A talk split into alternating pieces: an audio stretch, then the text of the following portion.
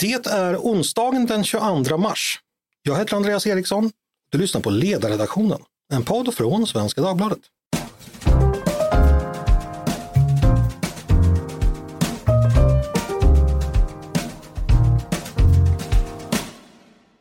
Varmt välkomna till oss igen.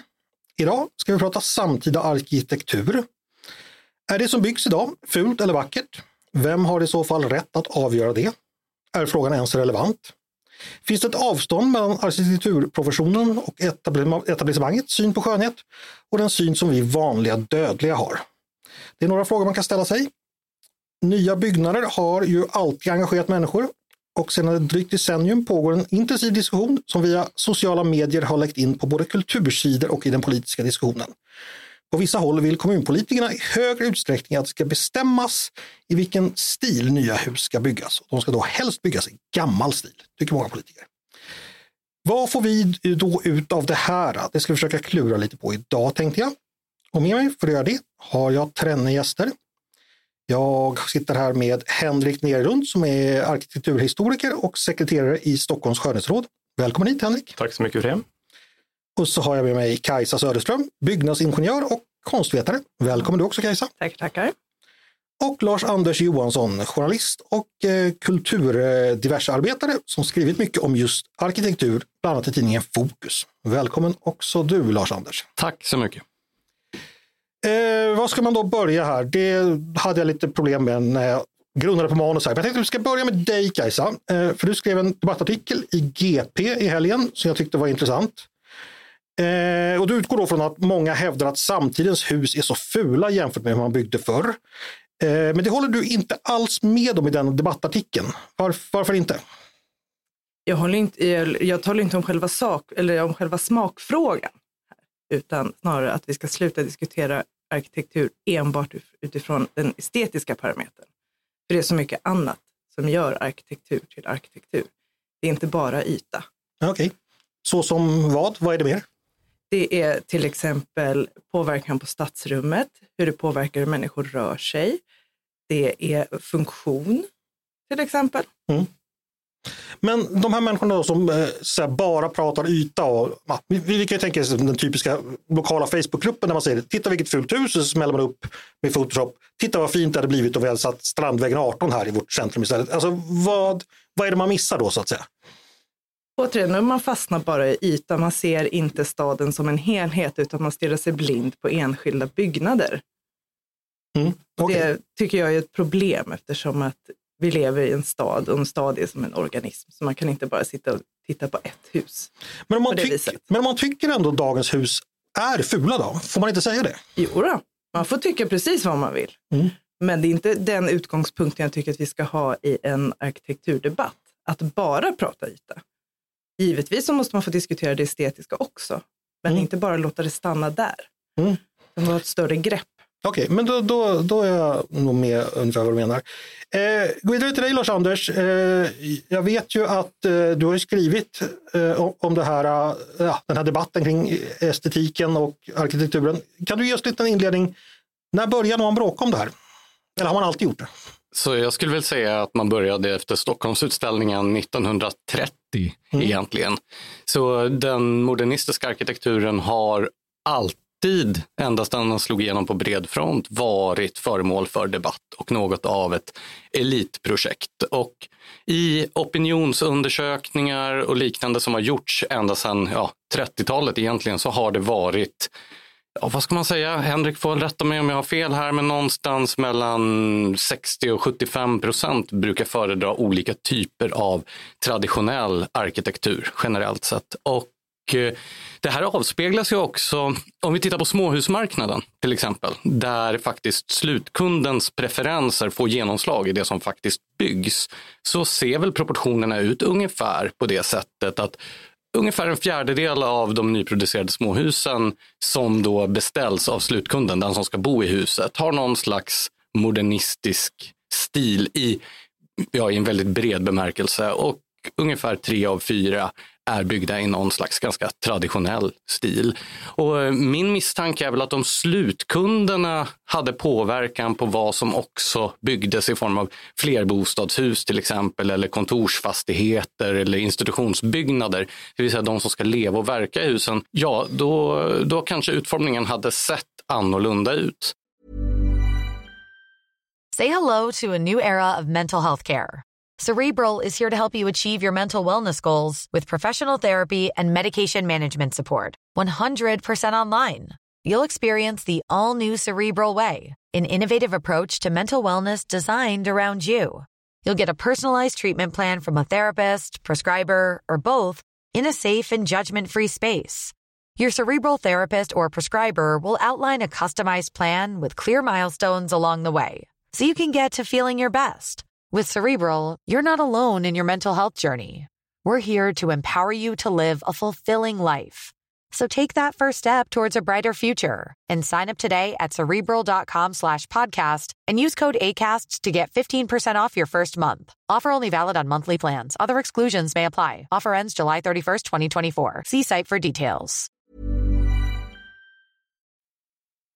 Men nu är du inne på den här estetiska dimensionen som Kajsa säger att man inte ska fastna i. Eh, vad tänker du om att man borde liksom fundera mer på vilken funktion ska husen ha eller byggnaderna ha? Jag, jag ser inte att det finns något motsatsförhållande mellan de här sakerna alls. Alltså jag, tycker är, jag är ju väldigt intresserad av den estetiska dimensionen också. Jag blir ju glad när jag ser någonting som jag tycker är vackert oavsett stil och jag blir förbannad och upprörd när jag ser någonting jag tycker är fult och jag skulle inte vilja bli berövad den känslan. Så estetik är väl fantastiskt intressant och jag tycker vi ska prata ännu mer om yta och ännu mer om fasader, men däremot inte mindre om de andra sakerna naturligtvis. Ja, vad säger du om det här? Nu kommer Lars-Anders fram här med estetiken som liksom bred form. Alltså, är det någonting han missar när han bara vill prata eller vad, vad tänker du? Jag vill understryka att jag inte bara vill prata om estetiken, Nej, men... men... jag vill att vi ska prata mer om estetik. Ja, absolut. Och där handlar det också om kvalitet på materialval. Och alltså en känsla av att byggnaden är gedigna, för det är det som känns som att det är mycket av kritiken mot det som byggs idag är att det ser lite tråkigt och dött ut. Och det är också en kostnadsfråga, att man sparar in på material. Mm. Och då blir ju slutresultatet därefter. Att då ser det lite tråkigare ut och det är därför man gillar de här äldre byggnaderna också, för de är byggda med liksom, inom citationstecken riktiga material. Mm. Vi ska ta släppa in eh, Henrik här. Eh, jag kanske ska börja med att presentera dig själv och Skönhetsrådet. Vad är det ni gör? Vad är det så här, er funktion i, när det gäller hur, hur städer då Stockholm ska se ut? Ja, vi fungerar ju som vad ska man säga, stadens, e, stadens eget fristående eh, expertorgan som granskar alla planer. Mm. Så oavsett vad som ska byggas var egentligen i Stockholm så är vi med och tittar utifrån olika parametrar. Några av dem har ju lyfts upp här. Funktion, naturligtvis estetik, men allra viktigast är ju vad ska man säga, stadsrummet, hur staden ser ut som helhet, stadsbilden. Det är de viktiga frågorna i det som vi arbetar med. Ehm, och jag skulle gärna vilja hoppa rakt in i den här ganska spännande diskussionen. Mm, varsågod. Om jag får det. Ehm, för jag skulle vilja eh, flytta den där startpunkten som Lars-Anders satte till 1930. Jag skulle vilja dra den hundra år längre bak i tiden. Ehm, och kanske än, än längre bak än så. Men i slut, eh, förlåt, 1828 tror jag va, så skrev en eh, då ganska framstående tysk arkitekt, Heinrich Hübsch, en bok som fick stort utrymme som heter I vilken stil ska vi bygga? Och den boken var en början på en kritik mot nyklassicismen som hade varit en eh, stil som mycket hade byggts i, framförallt då efter att Aten hade blivit till åtkomligt igen efter att eh, Grekland hade blivit fritt från det Osmanska riket då för, för västerländska arkitekter. Och det visar väl ganska tydligt att den här diskussionen om eh, stil och utseende är någonting som, som eh, är en del av arkitekturdebatten. Sen kanske inte det är den allra viktigaste delen, för det finns många andra delar. Men ser man till 1830-talets debatt så går ju den debatten egentligen att följa vidare genom eh, årtiondena. Man kan väl säga att den kritik som riktats mot funktionalismen modernismen som Lars-Anders nämnde, den ledde ju sen fram till ett annat ideal med postmodernismen. Vi har en, en, sen fick vi en ny funkis eh, våg och idag kan väl egentligen säga att det som vi pratar om när vi pratar om gammal stil är ju egentligen en slags ny postmodernism som, som är, är det som diskuteras. Så det här är ju en, en debatt som pågått under väldigt, väldigt lång tid och kommer naturligtvis pågå framöver också. Sen är det kanske inte, som jag sa, den allra viktigaste delen i debatten om staden. Där skulle jag säga att stadsplaneringsfrågan, hur, hur staden hänger ihop och fungerar Eh, och vilka möjligheter den skapar för olikheter är en betydligt viktigare fråga. Jag håller faktiskt med. Jag har alltid föredragit eh, stadsplanering framför arkitektur, men nu är poddens ämne som den är. Vi får ta, ta det en annan gång.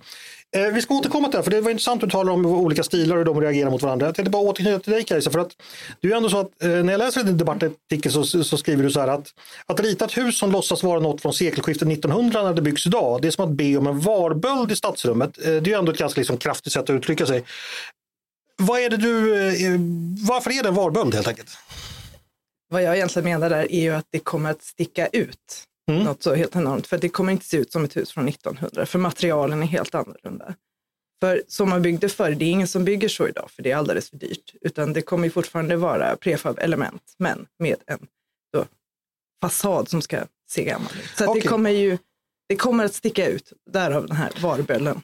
Men då fattar jag lite mer, för att jag menar eh, Östermalm på 1880-talet, då hade man ju liksom mursmäckor hette de väl, alltså de, kvinnor som klättrar upp med tegelstenar handgripligen och byggde. Alla ni som har läst Mina drömmars stad vet hur det gick till. Det har vi ju inte idag, eh, vilket gör att vi inte bygger på samma sätt. Eh, Ja, det, förklarar lite för mig. Eh, Lars-Anders, du ville säga någonting? Här. Ja, två saker. Dels, jag hörde ju Kajsa i Sveriges Radio som lovprisade en pastisch de har byggt i Karlstad. Det nya kultur, en hommage till det sena 60-talets arkitektur. Nej, en hommage till byggnaden som den står bredvid var det. Som är från 60-talet. 62. Precis. Ja. Och eh, alltså, jag tycker ju att vi ska bygga mer inspirerat av äldre stilar oavsett om det är från 1962 eller om det är 1862 eller om det är 62 efter Kristus. Jag tycker att vi borde ha mognat så pass mycket nu efter hundra år av modernism att vi kan se modernismen som en stilinriktning bland många andra och välja helt fritt ur arkitekturhistorien. Och vad gäller alltså vad vi inspireras av och vad gäller detta med teknik och materialval så har vi ju bättre möjligheter idag att bygga precis vad vi vill, hur, äh, att det ska se ut hur vi vill, än vad man någonsin har haft tidigare. Och det byggs ju en massa hus runt om i världen. I Tyskland till exempel finns det ju en stor rörelse nu för att återuppbygga de historiska stadskärnor som bombades sönder under andra världskriget, där man bygger på ett väldigt trovärdigt sätt i äldre stilar. Och då inte bara i klassicism naturligtvis, utan i alla möjliga historiska stilar. Ibland fastnar ju diskussionen också i att det bara skulle finnas ett binärt förhållande mellan å ena sidan modernism och å andra sidan klassicism, som att det var de enda två stiluttrycken som fanns. Och det är också lite synd. Vi ska återkomma till det. Eh, ett ögonblick Henrik, jag ska bara fråga dig Kajsa. Nu säger ju Lars Anders att nu är det du som byggnadsingenjör, så jag litar mer på dig här. Alltså att det, det, inte går att, att det går alldeles utmärkt att idag bygga som man gjorde förr, fast med lite annan teknik. Om du bara ja, kort absolut, det. det. Det, går, ja. men det är ingen som vill betala för det. Nej, okej, okay, men bra, för då, då, kan vi komma in på ekonomin. Eh, Henrik, vad har du att säga? Nej, jag tänkte bara säga det att Östermalm lyftes här. Alltså Östermalm fick ju väldigt mycket kritik under tiden som det byggdes under 1880-1890-talet och man kallar det för ladugårdslandsstilen med liksom påklistrade eh, eh, festonger och gesimser och sådär. Så att det, det är en del utav, utav arkitekturdebatten naturligtvis, kritiken mot det som byggs. Eh, men jag tänker att eh, att eh, det är svårt ändå att, att förbigå dagens hur vi bygger idag och för vem och hur. Alltså, att bygga ett 1880-talshus idag är ganska svårt eftersom vi inte har herrum och rökrum och uh, jungfrukammare och så vidare. Alltså, och inga smäckor. Och inga smäckor, utan mm. huset är ju inte bara en utsida utan en byggnad är ju en tredimensionell mm. eh, sak. Så att utsida och insida måste ju hänga ihop på ett eller annat sätt. Och en god arkitekt kan ju naturligtvis skapa någonting som där insidan och utsidan hänger ihop på ett alldeles utmärkt sätt. Eh, men att det blir ett 1880-talshus, det blir det ju inte, utan alla hus som kommer byggas idag, det kommer ju vara samtida hus från våran tid. Mm, men då återknyter vi till funktionen som vi pratade om tidigare. Eh, en sak jag undrar över, eh, finns det ett glapp mellan så att säga, arkitekturprofessionen och något sorts etablissemang? Vad, vad, vad man där rent estetiskt tycker om och vad sådana enkla människor som jag tycker om, vi som representerar vanligt folk. Eh, Lars, Anders, du har varit lite inne på det, eh, är det så? det har ju åtminstone funnits ett glapp mellan de som har bestämt hur städerna ska utformas. Och då pratar vi även stadsplaneringsmässigt, vi pratar om plan och bygglagen, vi pratar om detaljplanemonopolet. Alltså, ibland kan jag tycka att fokus riktas lite för ensidigt på arkitektkåren. Dels ska vi komma ihåg att det finns ju arkitekter som ritar i helt andra stilar och inriktningar än den dominerande stilen. Dels så finns det ju andra aktörer som också har inflytande över vad som faktiskt byggs. Och jag skulle vilja säga att någonstans där, alltså under efterkrigstiden så växte det fram en extrem likriktning när det gällde hur städerna utformades och vilka stilideal som råddes. Och jag tolkar väl den debatt som finns nu som en slags sen fortsättning på den som fanns runt 1980 när Hans Asplund släppte den här boken eh, Farväl till funktionalismen där han gjorde upp med sin och sin fars då funktionalistiska idéer. Och egentligen så är det väl den debatten som vi har stått och stampat i i 50 år ungefär. Läser man i arkitekturtidskrifterna från ja, sent 70-tal, tidigt 80-tal, då är det debatten mellan funktionalism och klassicism. De här postmodernisterna som Henrik nämner, de förespråkade ju att man skulle återuppliva de klassicistiska stilelementen i, i byggandet. Men det blev ju inte så hemskt mycket av med den. Så att jag tror vi, vi är inte färdiga med 80-talets arkitekturdebatt. Vi är mm. fortfarande kvar i den. Men ditt svar är i alla fall att det finns ett glapp helt enkelt? Uh... Jo, men jag skulle inte säga att den är mellan vanligt Nej. folk och arkitekterna. Jag skulle säga att det är mellan de som har haft störst inflytande över vad som har byggts under efterkrigstiden och merparten även av etablissemanget. Uh, Kajsa, samma fråga till dig. Finns det här glappet? Jag tror att det är ett väldigt upplevt glapp. Men det är också att folk tillskriver arkitekter en, helt, en mycket större makt än vad de egentligen har. Eh, för jag, vet inte, jag har ju suttit i en konstant shitstorm här sedan i lördags mm. och har fått förklara för folk att det är byggherren som sitter på pengarna. Det är byggherren som sitter på makten och vi kan ha hur goda intentioner som helst i programstadiet. Men sen så är det inte alltid så mycket som finns kvar efter det. Mm. För det man sparar in. Mm. Vi ska återkomma till din shitstorm, mm. för den har jag också ämnet. Lars-Anders ville kommentera något ytterligare här. Nu. Ja, en väldigt anekdotisk eh, berättelse bara. Jag var ute på en byggarbetsplats häromdagen och pratade med just en byggherre om man skulle ta, det var en institutionsbyggnad från 60-talet i tegel som skulle kompletteras med ytterligare en byggnad. Och så frågade jag vad ska det bli för fasadmaterial på den här nya huskroppen? Och den första var som sagt i rött tegel. Och då sa han, ja vi hade ju gärna velat bygga den i tegel, precis som den första byggnaden. Men arkitekten sa att det inte skulle spegla stadens årsringar. Så därför har vi valt, och så var det något annat modernt material som jag inte kommer ihåg vad det hette. Och där kände jag ju då att det här argumentet som framförs, jag vet att det här är en anekdot, men där var det ju bevisligen så att byggherren hade föredragit att bygga i tegel. Men det är som sagt inte alla byggherrar som gör det här. Nej. Vill jag bara inflika här. Så arkitekten hade uppenbarligen en... Ja, men där, jag kan ju tycka att arkitekten har en poäng där, för jag tycker att vid samtida tillägg till äldre byggnader att det är bra att det byggs enligt samtida traditioner. Eller som vi bygger idag att det blev samtida tillägg till en äldre byggnad. Mm. Och materialet var ju förmodligen kortenstål, alltså rosttrökt stål. Det är poppis att ha till tegel. Att ha till tegel. Nej, jag tror faktiskt inte att det var det. Mm. Innan ni blir alltför specialiserade i materialvalen här, eh, ska jag gå vidare. Fråga dig Henrik en sak.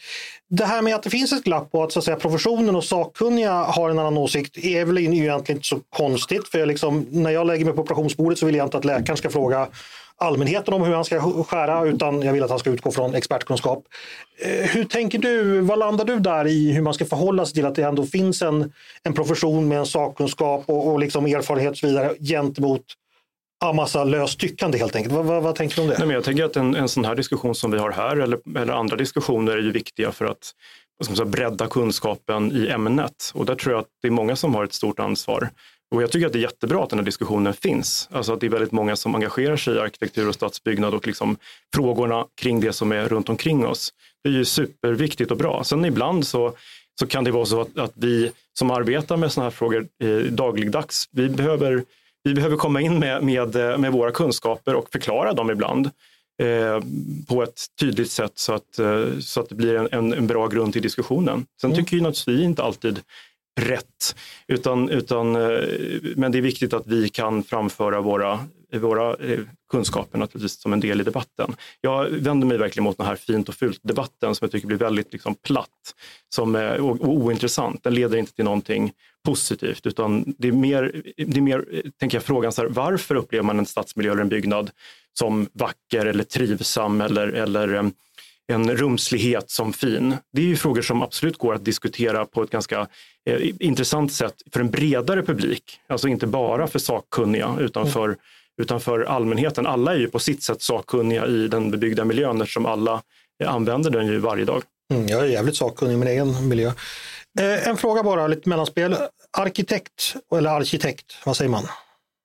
Jag säger arkitekt.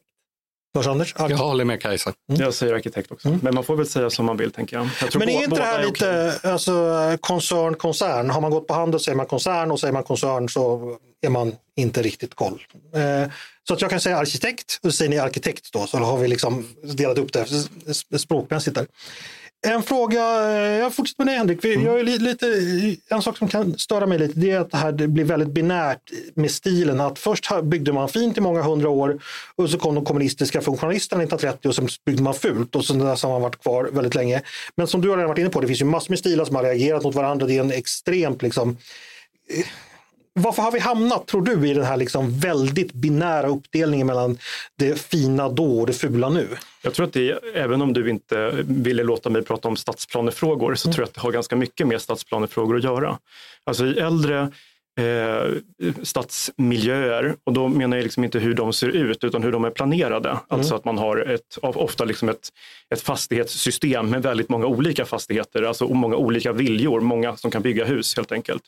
Och så har man generella, ganska enkla regler. Det ger eh, en variation i varje kvarter. Om man går i en, i en, eh, i en kvarterstadsmiljö så är det liksom en stor variation. Och där fungerar, fungerar ett funktionalistiskt hus alldeles utmärkt bredvid ett 1880-talshus när man sen gjorde andra, en annan sorts planer, alltså när man sprängde staden och skapade öppna planmönstret, så blev det en helt annan sorts stad när fastigheterna blev väldigt stora och det bara blev en vilja. Eh, det skapar ju mycket mindre variation, utan då blir det en enda stor bostadsanläggning egentligen. Och då på sitt sätt så spelar det inte så stor roll om det är bostadsanläggningen Bredäng i södra Stockholm eller om det är bostadsanläggningen Jakriborg som, som du nämnde mm. Kajsa i din artikel. För det är också faktiskt en bostadsanläggning med en enda ägare som imiterar stadens liksom, utseende. Mm. Ska, man, ska man få bra, intressant arkitektur och låta många blommor blomma, då är det i grund och botten en stadsplanefråga där man behöver ha många också mindre eh, fastigheter så flera kan bygga med olika, med olika arkitekter och olika byggherrar. Helt för intressant, för Kajsa, jag såg att du på Twitter var lite inne på att när vi då tycker väldigt mycket om en viss form av arkitektur, det är framförallt den eh, formen av stad som vi saknar då. Liksom. Alltså, den tiden som vi upplevde som en levande stad, eh, en blandad stad, alltså det som politiker ofta pratar om men som verkar så väldigt svårt att bygga numera. Den omväxlande urbana tapeten. Alltså, så säger man kanske. Eh, men det är så, alltså, det, det, blir vi lite lurade där kanske. Att vi, vi, vi, tror att vi gillar någonting bara för att vi egentligen gillar folklivet eller affären eller så vidare. Ja men precis. Jag tror att det är en väldigt stor bidragande faktor. Och sen så är det som med allting nytt, även ett nytt plagg i garderoben, att det lyser mycket starkare än de där som har hängt där hela tiden. Så att en ny byggnad kan sticka ut väldigt mycket och till slut så, så, se, så inkorporeras den i stadsbilden och man ser den inte på samma sätt längre. Mm. Man vänjer sig vid att den finns där, det känns som en naturlig del av stan. Just det. Eh, som jag sa inledningsvis så har det blivit vanligare att politiker har ganska tydliga ambitioner när det gäller hur det ska byggas. Lars-Anders, är det, är det en bra utveckling? Jag tycker det är bra att politiker har börjat ta medborgarnas upprördhet över att de upplever att deras närmiljö förfulas på allvar. Men sen så tror jag ju, alltså för en politiker så är det ju precis som för snickaren som bara har en hammare och ser alla problem som en spik, att då försöker man lösa det genom politisk styrning och det är inte nödvändigtvis så att utfallet kommer att bli bra på det sättet. Men jag tror ju också att det här i grunden är ett politiskt problem. Det kommunala planmonopolet har lett till den här situationen situationen som Henrik beskriver.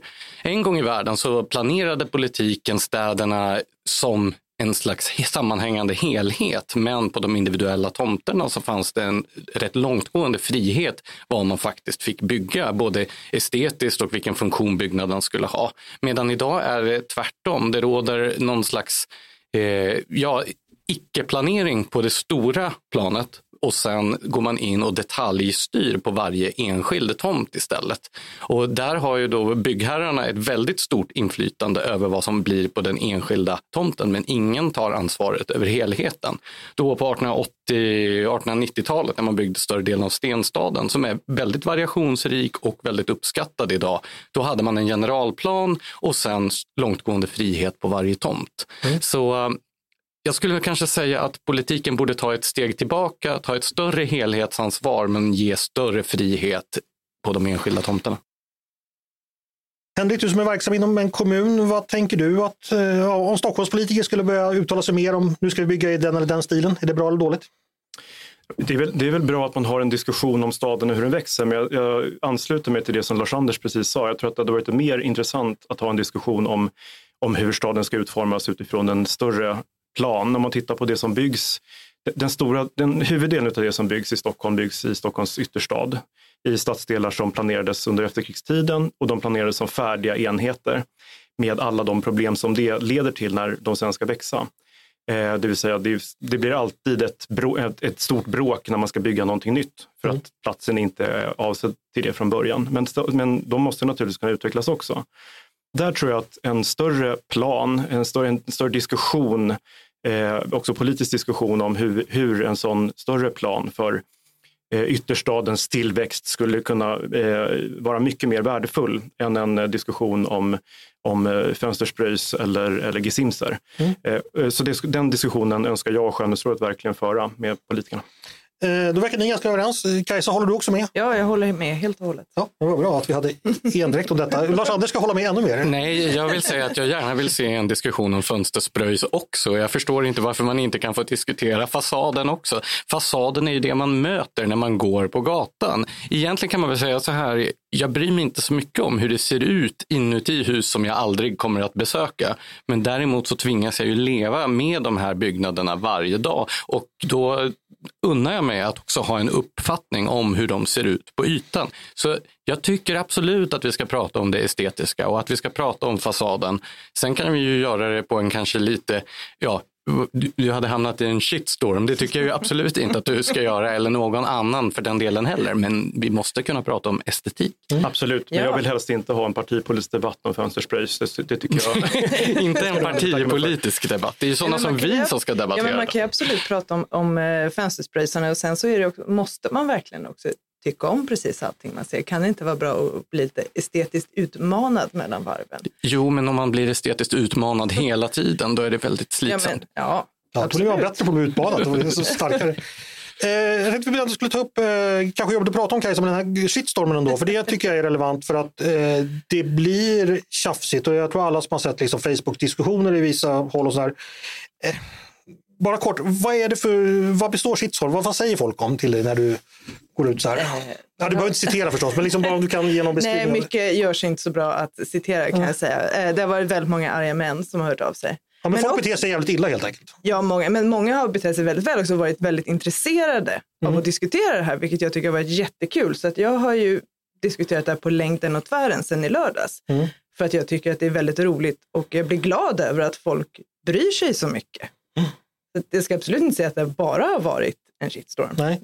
Nej, men en shitstorm är ju allvarligt nog. För det är bara man liksom, kan man, hur, hur gör vi för att uh, inte kult, något liksom form av aggressivt kulturkrig ska ta över här? Liksom? Kan man, vi som, eller ni som seriöst försöker delta i debatten, hur tänker ni kring det här? Vad, kan vi göra någonting åt eller ska man bara ignorera det? Eller, ja, Henrik, vad har du några tankar rent allmänt? Liksom? Om hur man ska kunna undgå en shitstorm? Nej, men inte undgå, men liksom hur vi ska slippa det. Liksom. Det kanske man inte kan. Jag tänker så här att, att eh, Eh, det här är ju en fråga som berör alla människor och därför så blir det ju en fråga som väldigt många människor har synpunkter kring. Mm. Men, men, precis som i alla frågor som är intressanta att diskutera så får man ju lägga band på sina innersta känslor ibland. Det, det känns ju liksom rätt så naturligt. Jag tänker att eh, den här eh, frågan om, om liksom staden och stadsbyggnadskonsten i någon slags bredare mening är en viktig fråga verkligen att, att föra utifrån hur våra städer funkar. Och där är det jättebra om alla kan vara med. Men det kräver ju att man naturligtvis har ett, liksom ett schysst samtal. Ett hårt samtal, men ett schysst samtal. Mm. Eh, en fråga som jag är jäkligt nyfiken på. För mig som lekman är det ibland svårt att skilja på eh, inspiration och influenser från det som då kallas pastischer. Eh, varför är det skillnad på när liksom en postmodern arkitekt på 80-talet lånade valv och kolonner för klassiska byggnader eller när liksom någon på arkitekturupproret idag slänger in liknande valv, kolonner och valv idag och säger titta vad fint det blir. Jag upplever att, liksom att här finns det lite hyckleri, tycker jag. Eh, är det någon som kan känna igen sig i det? Vem är det som hycklar menar du? Jo, att, att en arkitekt kan minsann ibland använda sig av gamla influenser och då är det så fint och bra. Men när någon, någon lekman gör det, då är det bara pastisch och fånigt. Liksom. Alltså, jag, jag, för mig är inte det självklart var, var gränsen går. När blir influenser från det förflutna pastisch? Jag skulle nog säga att de arkitekter som ritar i traditionella stilar ofta blir anklagade för att göra pastischer av mm. de som inte ritar i traditionella stilar. Och det här tycker jag väl är ett typiskt exempel på den låga nivå i debatten som jag skulle se att vi slipper det är inte nödvändigtvis en eh, pastisch bara för att man bygger i en traditionell stil. Och jag tycker vi borde höja oss från den nivån. Mm.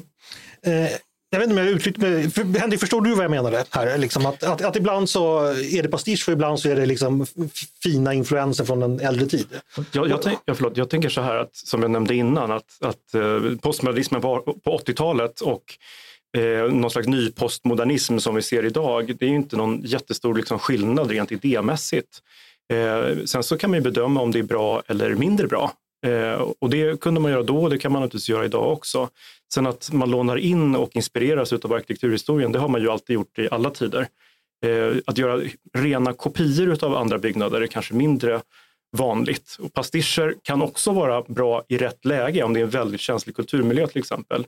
Lite skojigt exempel kan man ju säga är gamla kanslihusets tillbyggnad i Gamla stan som kanslihuset säger då en pastisch från 30-talet som har gjort en pastisch på pastischen. Men den har blivit ganska hygglig i den miljön.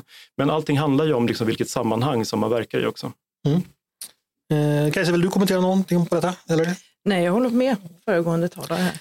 Men jag tycker det här, just rädslan för att bygga en äldre stil, det går, ju, det går ibland ut över helheten. Vi har ett exempel när man byggde ut eh, Erik och Tore Alséns kommunhus i Uppsala från 60-talet, som ju var tänkt att vara en, eh, en kvadrat, men man hade inte råd med det, så den blev L-formad. Nu har man byggt färdigt det här huset som en kvadrat. Men eftersom man då ska visa på stadens årsringar så fulländar man inte Alsenbrödernas vision och bygger det här fullständiga funktionalistiska huset utan man har byggt en väldigt tråkig tillbyggnad i någon slags samtida stil i ordets sämsta bemärkelse. Och här menar jag att rädslan för pastisch begränsar så att man inte fullföljer en ursprunglig idé. Mm. Ja, risken är att man blir anklagad för att ha skapat en varböld. Kommer jag med högaffeln. Nej, eh, hörni, eh, ytterligare en tanke jag vill pröva. Eh, det finns ju olika åsikter om exakt hur den här diskussionen ska föras och vad alternativet är. Men jag tycker ändå, liksom, vilket visar sig även här, att det finns ändå en ganska spridd uppfattning att en del av dagens arkitektur är lite blodlös, är lite tråkig, är lite billig. Eh, generisk nyfunkis gör ju ingen direkt glad, skrev du i din artikel Kajsa. Jag tror alla vet, de här, vissa lådor som byggs kanske för mycket på slentrian. Ja, det kan vi vara ganska överens om att det finns lite problem med det. Så jag tycker inte att generisk nyfunkis är vårt största problem. Jag tycker att vi har för lite slentrianmässig eh, vardagsarkitektur som inte gör anspråk på att sticka ut och imponera på betraktaren. Det är samma sak med alltså, det sena 1700-talets nyklassicism. Avskalat, enkelt, smälter in men man kommer inte att komma ihåg det enskilda huset för att det bidrar till en helhet. Däremot så tycker jag att det tråkigaste som byggs idag, det är de här, jag skulle inte ens kalla det modernism, jag skulle kalla det en slags arkitektur som ser ut som volymstudier som har förverkligats i verkligheten. Alltså, nu vet jag att kritikerna mot modernism kallar allting modernt för lådor, men jag menar att det här är verkligen lådor. Det är alltså, det är bara kroppar i rummet utan någon form av ambition till gestaltning och så har man gjort fönster på dem. Och Det tycker jag är det värsta i samtiden och det absolut fulaste om man får använda det uttrycket. Okej, men nyfunkis är ändå lite bättre då, för där, där har man ändå gjort ett försök att det ska hända någonting. Ja, där finns det en ambition till någon typ av gestaltning. Men mm. mycket som byggs verkar helt sakna den ambition. Bygger vi lådor, Kajsa? Mm, eh, jag skulle säga att svensk arkitektur inte har så mycket av ett stilproblem som ett kvalitetsproblem faktiskt. Mm. Att det inte är stilen här som jag, jag bekymrar mig, utan jag vill ju ha god arkitektur men likförbannat påverkar utseendet? Ja, ja absolut. Mm. Utan eh, jag vill att man ska kunna bygga för långsiktigt ägande och förvaltning. Och då brukar byggherrarna vara mer villiga att satsa på gedigna material som håller över tid och som ger en annan typ av känsla till byggnaden. Mm. För mycket av kritiken mot modern arkitektur är ju just att det, det, ser lite billigt och tråkigt ut och det ser ut som att det är hopslängt i en hast. Mm. Men då kokar det ner då, ska vi prata pengar. Eh, vem är det som vill, eh, ja, kanske du jobbar ju liksom praktiskt som byggnadsingenjör. Mm. Eh, penningens roll i allt detta? Berätta. Ja, den är ju avgörande. Vi jobbar ju konstant mot en väldigt pressad budget med en byggherre som flåsar oss i nacken. Vi har ju svårt att få dem att betala för enkla saker som eh, gestaltningsritningar eller en genomarbetad dörruppställning mm. mellanåt. Så det, det, kan vara lite mycket begärt att då tro att de ska vilja betala för rikt utsmyckade fasader och eh, riktigt gedigna material så som vi vill ha. Då blir, står man ju där med lossnande fasadskivor sen. Mm. Lars-Anders, vem ska betala det här extra lilla fina? Så jag tror att ett grundläggande problem nu är att det är säljarens marknad och inte köparens marknad.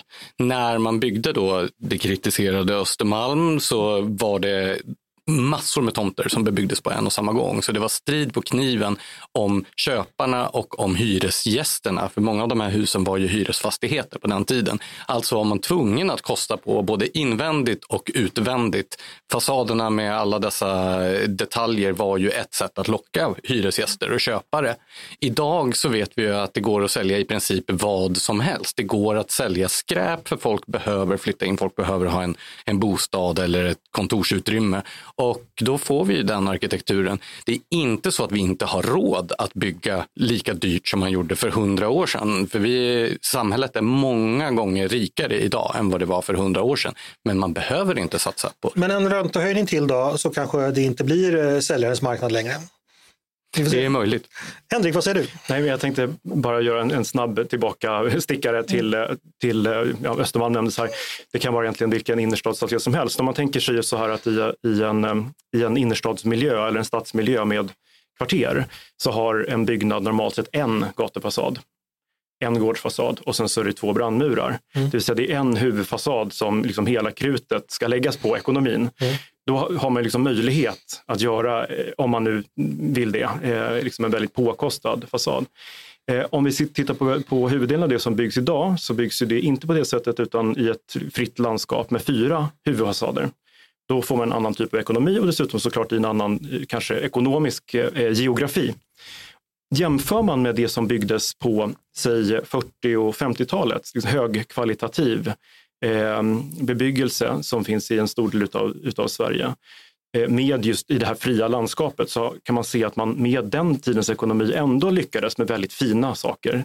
Jättefina entréer till exempel, de här enkla sakerna, det man möter, det som är liksom i stadsskalan, när man tänker sig den, i, i den gåendes skala. Det man möter är högkvalitativt. Resten är, har man inte lagt liksom riktigt lika mycket på, för det behövs inte. Där tror jag vi behöver bli väldigt, väldigt mycket bättre idag. Tar man tunnelbanan ut eh, till slutstationen och tittar på vad som byggs där, så blir man ofta inte särskilt glad. För att på något sätt så sjunker ambitionsnivån ofta per tunnelbanestation, ledsamt nog. Så där finns det väldigt mycket att göra och då behöver det inte handla om extremt påkostade fasader, utan det handlar om att att hitta de här detaljerna som är viktiga för upplevelsen av byggnaden i den, och i den rörelsen, i den miljön man rör sig. Som sagt, entréer, hur ser bottenvåningen ut? Hur, hur ser rumsligheten ut där man rör sig? Där har vi jättemycket mer som vi kan göra ganska enkelt och där behöver vi inte titta på Östermalm, där kan vi titta på hur vi byggde i, i Blackeberg eller i Kärrtorp. Mm. Jätteintressant hörni. Eh, vi ska börja runda av. Jag tänkte bara att ni skulle få eh, själva göra en liten avrundning. Alltså, vad tror ni här diskussionen kring arkitektur både på Facebook och liksom på de fina kultursidorna. Vart är vi på väg någonstans ifall ni vill spana? Vad behövs det för att vårt gemensamma mål är ju att arkitektur ska bli bättre och mer spännande och tillfredsställande för alla människor. Vad behövs för det? Eh, ja, vem vill börja? Kajsa, vill du börja? Oj, eh, vilken svår fråga. Jag tror, tror framförallt att behöver satsa eh, pengar. Vem ska göra det? Byggherrarna framförallt. Och det kan ju vara allting från kommuner till, eh, till privatpersoner. Så att, eh, för då som sagt, då får man ju de här genomarbetade entréerna till exempel. Den typen av, man satsar på, på stadsrummet och slutar stirra sig blind på byggnad för byggnad, utan att, som vi pratade om tidigare här, att man tar ett helhetsgrepp mm. på det hela och också satsar på innemiljöerna och slutar banta bort även saker där av kostnadsskäl. Mm. För god arkitektur är ju även det invändiga där vi bor och våra kontor. Och... Jag känner att samtliga måste komma tillbaka på en stadsbyggnadspodd, för vi pratar så mycket planering här också. Eh, ja, samma fråga till dig, vad, vad ser du framför dig? Nej, men jag tycker det är mycket som går faktiskt åt rätt håll just nu. Jag tycker det är faktum att vi diskuterar de här sakerna, oavsett om det handlar om fönsterspröjs eller om det handlar om stadsplanering, tycker jag är positivt i sig. Jag tycker det är positivt att man har börjat bygga innerstad igen. I Stockholm har man börjat bygga. Vi har Hagastaden och vi har även det gamla spårvägsmuseet på Södermalm där man bygger tät, traditionell kvartersstad. Jag tycker vi ser en större variation i stilinriktningar också vad gäller flerfamiljshus än vad vi har gjort på länge. Jag tycker man hör både politiker och privata aktörer som pratar om att de efterfrågar andra stiluttryck till exempel.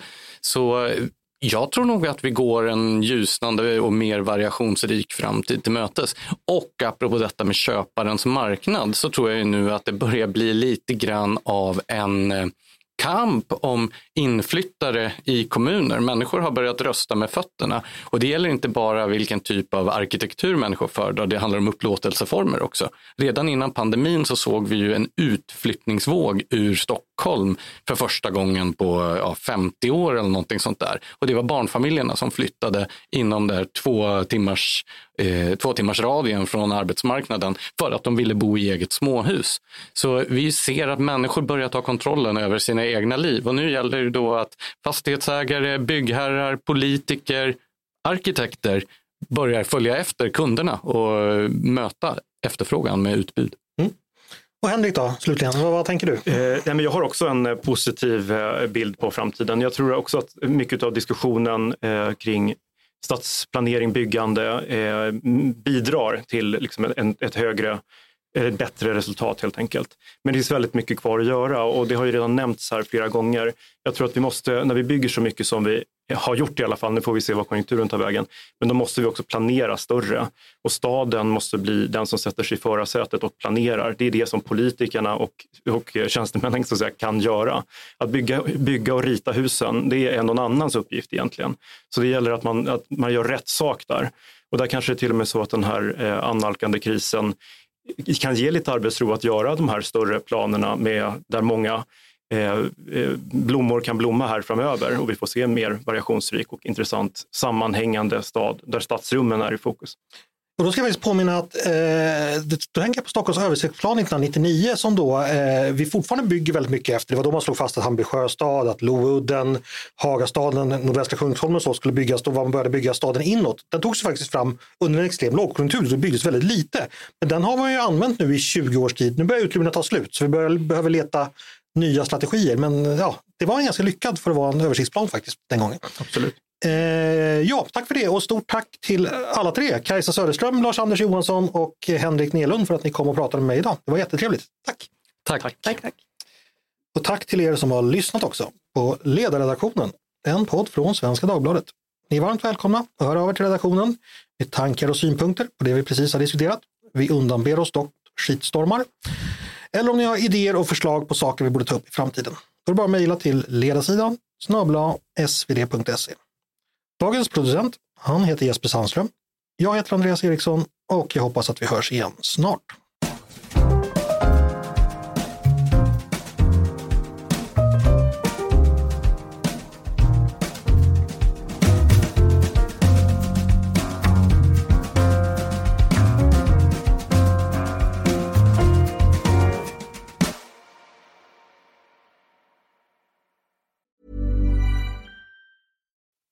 Spring? Is that you? Warmer temps mean new Allbirds styles. Meet the Super Light Collection, the lightest ever shoes from Allbirds, now in fresh colors. These must have travel shoes have a lighter than air feel and barely their fit that made them the most packable shoes ever. That means more comfort and less baggage. Try the super light tree runner with a cushy foam midsole and breathable eucalyptus fiber upper. Plus, they're comfy right out of the box. So, what can you do in a super light shoe? What can't you do is the better question. And because they're super packable, the real question is where are you taking them? Experience how Allbirds redefines comfort. Visit allbirds.com and use code SUPER24 for a free pair of socks with a purchase of $48 or more. That's A L L B I R D S.com. Code SUPER24.